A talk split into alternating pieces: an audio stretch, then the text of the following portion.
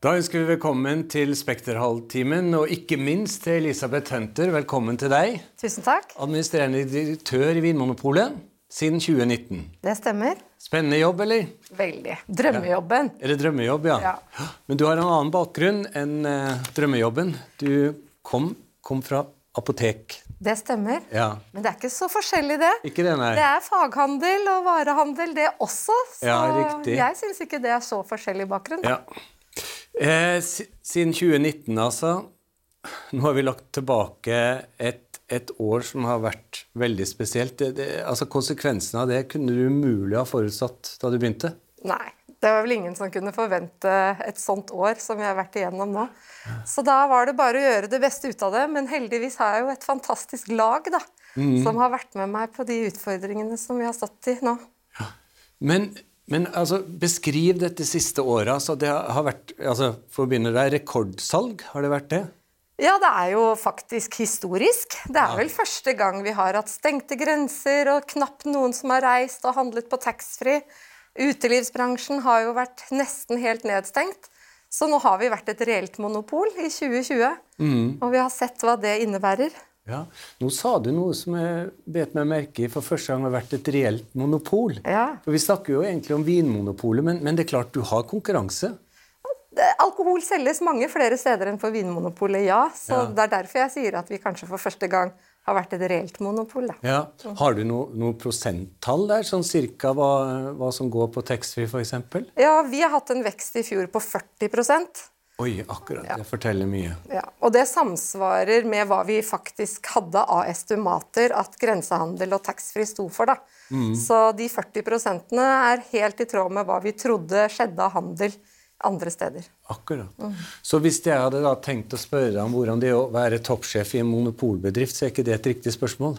jo, nå er det jo det. Ja, nå er det det. Ja, nå er det det. Nå Ja, er det nå er det det. Men før og etter pandemien, da, hvordan, er, hvordan, altså, hvordan møter du da den konkurransen? da? Fra kan du gjøre noe for å møte konkurransen, kanskje gjennom glimrende service? Altså Det som har vært det aller aller viktigste i 2020, har jo selvfølgelig vært å ivareta smittevern.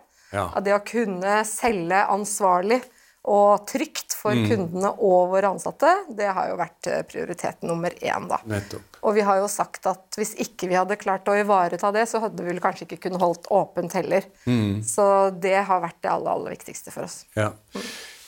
I et intervju skal du ha sagt noe sånt som om at det, det har vært forsøkt å stenge polet en gang, og da ble det bråk.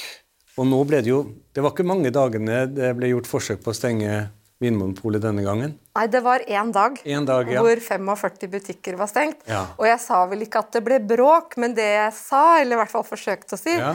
det var at historien viser oss at dersom vi blir stengt, så blir det uro i Mm. Ja, samfunnet. Det var det du sa. Helt, korrekt, helt korrekt. Og det tror jeg det ville blitt i andre europeiske land også. Dersom man ikke fikk kjøpt uh, vin Mm. Til maten, så tror jeg ikke det er bare i Norge at det skaper noe uro da, hvis man ikke får det. Men er det, er det et tankekors liksom at alt annet stenger, bortsett fra apotek, dagligvare, og så må polet være oppe? Er det et tankekors, eller? Altså, Jeg syns jo ikke det. Eh, Jeg tror det hadde blitt uro om du ikke hadde fått kjøpt kaffe også, jeg. Ja. Eh, Så det er noe med at i en pandemi så skal vi også være med og bidra til normalen, og at vi skal ha et så normalt liv som mulig. Mm. Og da er jo mat og vin en del av det for mange. Ja, ja visst. Hvordan, hvordan er det å, å, å lede en bedrift som opplever en slik suksess? Er det, er det enkelt, eller krever det en ekstra innsats som, som leder? Altså, det har jo utvilsomt vært beredskapsarbeid fra tidlig og sent. Ja. Eh, og det var ingen som kunne fortelle oss i starten hvordan vi skulle gjøre det, hva slags tiltak vi skulle innføre, hvordan vi skulle sikre våre ansatte og kunder mot smitte. Så da måtte vi jo gjøre så godt vi kunne. Vi prøvde å være faktabasert og ta med oss helsepersonell i beslutningene. Og vi satte selvfølgelig beredskapsteam som diskuterte hva gjør vi nå, og hvilke tiltak gjør vi. Og etter ett år da, så ser vi jo heldigvis at veldig få har blitt smittet hos oss. Så jeg tror jo at noen av tiltakene vi har gjort, har vist seg å være riktige. da. Tror du at pandemien gjør at du kommer til å drifte altså Jeg vet du ikke er alene om dette, men, men du som sjef, da, tror, du, tror du at du kommer til å drifte, drive, styre Vinmonopolet på en annen måte enn du gjorde før pandemien, eller går du tilbake til det som var normalen? Jeg tror eh, aldri man ser tilbake. Det blir fremover. Og Jeg tror vi får varig endring, og jeg tror noen ting går tilbake. Mm. Så jeg tror vi får begge deler. Men, um, men f.eks. dette med unødvendige reiser, eller reiser Ja. som du ikke trenger å gjøre, det tror jeg man kommer til å tenke seg om flere ganger. Så tror jeg vi kommer til å jobbe mer dynamisk. Altså at ikke vi nødvendigvis er på kontoret eller har fysiske møter. Jeg tror vi blir flinkere til å vurdere om vi kan ta avklaringer på telefon eller på Teams, Mm. eller, eller ha møter, da. For jeg tror fortsatt at vi vil like å treffe mennesker Ja. også i fremtiden. Da. Og så kanskje mer sånn salg hjem istedenfor at folk møter opp fysisk, eller? Altså, Vi har jo hatt uh, betydelig vekst uh, på netthandel i Ja. 2020 også, Uh, men jeg tror at folk vil ønske å komme til butikkene våre og få råd og veiledning også i fremtiden, nettopp pga. den varen som vi selger. da. Ja. Så tror jeg fortsatt at man vil ønske å få råd. Eh, men det kan godt hende at eh, folk vil bruke begge kanaler mer, altså både butikk og nett. da. Eh, Vi ser jo det allerede i dag, at mange gjør undersøkelsene sine på nett. Og så kan de handle i butikk eller på nett. Og den, den kan jo øke også for fremtiden, tenker jeg. Hva, for å begynne i Vinmonopolet, må du gjennom eh, Jeg tenkte nå når du, når du blir, tar imot kunder, må du gjennom et kurs for å lære om vin og forskjellige vinsorter og hva Ja. som passer til hva, eller? Ja, vi har eh, Alle som begynner hos oss, må signere på at de skal gjennomgå obligatorisk opplæring. Jaha. Så selvfølgelig er det fint om du vet litt før du begynner, men det er ikke nødvendigvis et krav. Og vi sørger for at alle ansatte da får den opplæringen som vi mener at våre ansatte skal ha. Men du blir jo aldri utlært. Nei, nei, nei. Det er det fine med vin. vet du. Ja, ja, kan jo lære hele livet. Men vi har obligatorisk opplæring ja, for alle ansatte. Ja. Fordi at det er vel noe av det som kommer nå til omdømme for Vinmonopolet, som jo ligger veldig høyt. Og det, det skyldes vel at du har dyktige folk som eh, ekspederer oss. Jeg tror det. Jeg tror det er mye av suksessfaktoren. At vi har ansatte som er genuint interessert i mat og vin, og gi, altså er interessert i mennesker og god kundeservice, og selvfølgelig også ivareta ansvarlig salg. Da. Jeg tror alle ansatte i Vinmonopolet tar dette oppdraget vårt på høyeste alvor. Hva, hva er viktigst for å bevare et godt omdømme? Altså vi, vi må i hvert fall ivareta samfunnsoppdraget. Altså Hvis vi ikke gjør det på en god måte, så vil man jo stille spørsmålstegn ved ordningen med en gang. Altså Hvis vi hadde solgt til mindreårige eller Ja. berusede personer, altså at vi ikke tok dette på alvor, så tror jeg vi fort hadde fått en debatt. Men jeg tror også vi må drive effektivt. Uh, altså ikke sløse med midlene eller ressursene. Um, og så tenker jeg at eh, det er utvilsomt en fordel at kunden er fornøyd med oss. Så det at vi leverer gode kundemøter, da, som vi sier, det har jo vi vært opptatt i mange mange år. For det er det vi tror vi kan ha kontroll på selv Ja. og gjøre noe med, er å levere gode kundemøter. Men Elisabeth Hunter, det, er det ikke eh, en aldri så liten motsetning mellom samfunnsoppdraget og det å selge brennevin? Um, altså, vi, vi må balansere. Vi må balansere oppdraget og det å begeistre kunden. Men vi syns jo vi får til det, da. Ja. Vi um, gir, prøver å, å gi råd basert på kundens behov. Og så skal vi ikke sende deg ut med noe mer enn du trenger, men forhåpentligvis det du trenger, og det du etterspør. Så den balansen med å ikke selge for mye, men å selge riktig og bra, det er jo den balansen vi lever i hver Hva er riktig og bra, da? Nei, hvis du kommer og skal ha et måltid, Ja. eh, du skal lage julemiddag, Ja, eller du skal ha gjester, Ja. så, og du forteller hva menyen er, eller Ja, ja. altså, vi gir råd da, i forhold til det, så håper vi jo at kunden blir fornøyd med de rådene som våre ansatte gir. Mm. Eh, nå har jeg ikke spurt deg om det på forhånd, men, men eh, har du i hodet Hvordan er det med alkoholfrie produkter? Øker det i salg, eller øker det ikke i salg? Det har hatt enorm vekst de siste Enorm årene. vekst. Ja, vi ser at um, uh, alkohol med lavere eh, prosent, altså alkoholprosent, det øker på bekostning av brennevin. Altså brennevin øker ikke like mye som vin.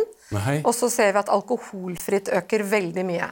Så vi mener at det er en helsetrend at folk er mer opptatt av å drikke lettere og lavere alkohol, og også alkoholfritt. Og så har det blitt veldig vanlig, og det er vi veldig glad for, å kunne også ha et alkoholfritt alternativ til gjestene sine. Ja. Eh, sånn at de også skal ha noe godt å drikke mm. til maten, og ikke bare Brus eller vann, ikke noe galt om det, men at de også har noe hyggelig å tilby de gjestene som kjører bil eller ikke vil ha alkohol. Da. Riktig. Er vi litt eh, på søken når vi går i hyllene dine og leter, eller er det liksom fransk rødvin, punktum? Og du har alt. Ja. Du har kunder som vet hva de skal ha, og bare går inn og plukker det og går igjen. Og så har du de som jeg sier som kommer med hele menyen og seks retter og gjerne til og med skal ha tips til sausen. Aha. Så du har eh, alle typer kunder. Hvis du tar hvitvin og, og rødvin, da er det skal, hvis du, Er det noen coming, virkelig coming land som vi skal lære mer om? det, det går litt i sirkel, Jaha. dette her. Altså sånn eh, hvilke land og hvilke områder. Eh, Frankrike kommer på en måte tilbake igjen, eh, hvis det noen gang var borte. Nye verden, eller oversjøisk, som vi sier, kommer jo Ja. mer og mer. Så det, men det går litt i bølger. Akkurat. Mm.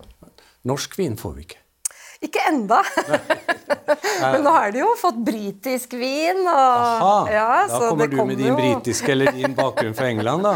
Nei, men det blir jo varmere lenger og lenger nord, Ja, sånn ja, at eh, produksjonen flytter seg jo lenger og lenger nordover. Ja. Ja. Det, det, var, det var jo i mange år en ganske heftig debatt om monopolet. Ja. Den jeg har inntrykk av at den eh, er borte vekk. Ja, heldigvis, eh, vil vi si da, selvfølgelig. Men det er vel ja, Hvis jeg skal være litt forsiktig, men jeg tror det bare er ett parti igjen som har programfestet at eh, de prinsipielt ønsker å legge ned Vinmonopolet. Mm. Men eh, selv ikke de har jo det som en kampsak. Vi hører veldig lite om det. Ja. Og årsaken til det er det vi har vært inne på, at du rett og slett får, får veldig god service. Jeg tror alle ser at vinmonopolordningen virker etter intensjonen. Eh, både at vi klarer å selge med ansvar, og vi klarer å gi gode kundemøter. Og da er det jo ingen, opplever vi, som er så opptatt av å gjøre noen endring med det, når det tross alt fungerer så godt. da. Ja, og så er det vel blitt veldig mange flere utsalg. Ja, vi er over 330 butikker, Og vi ja. tror vi har verdens største sortiment. Ja, det var mitt neste spørsmål. Ja. Fordi at vi som har hatt gleden av å bo i, i utlandet, vi oppdager jo det der det ikke er pol at du, altså Kommer du i kolonialbutikken, da, for å si det enkelt, eller supermarkedet, så er jo utvalget mye, mye mindre. Hvordan går du fram da for å opprettholde dette, alle disse forskjellige Altså, En av våre viktigste oppgaver er jo å gi markedstilgang.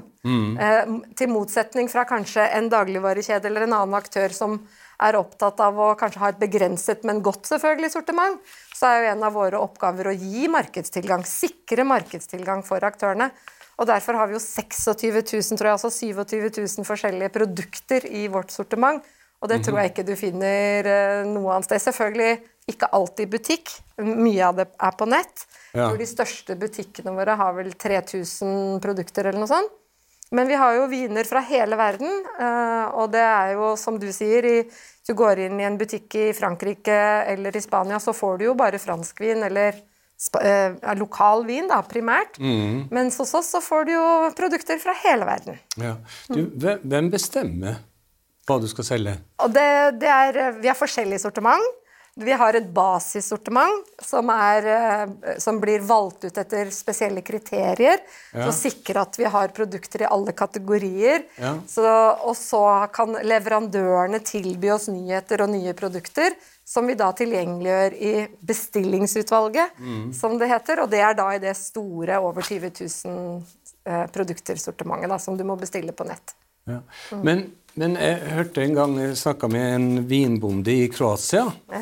Og han sa at han hadde veldig lyst til å komme seg inn på, på norske Vinmonopolet, men han sa at han fikk ikke lov eller fikk ikke adgang fordi han hadde ikke stort nok volum.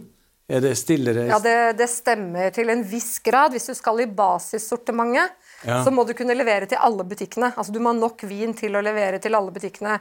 Men du kan jo komme på tilleggsutvalg, sånn at du, at du får eh, en, eh, en mindre distribusjon da, enn alle butikkene våre. Det kan Ja. du. Men det er en, til en viss grad så riktig at du må levere til alle butikkene hvis du skal i basissortimentet vårt. Ok.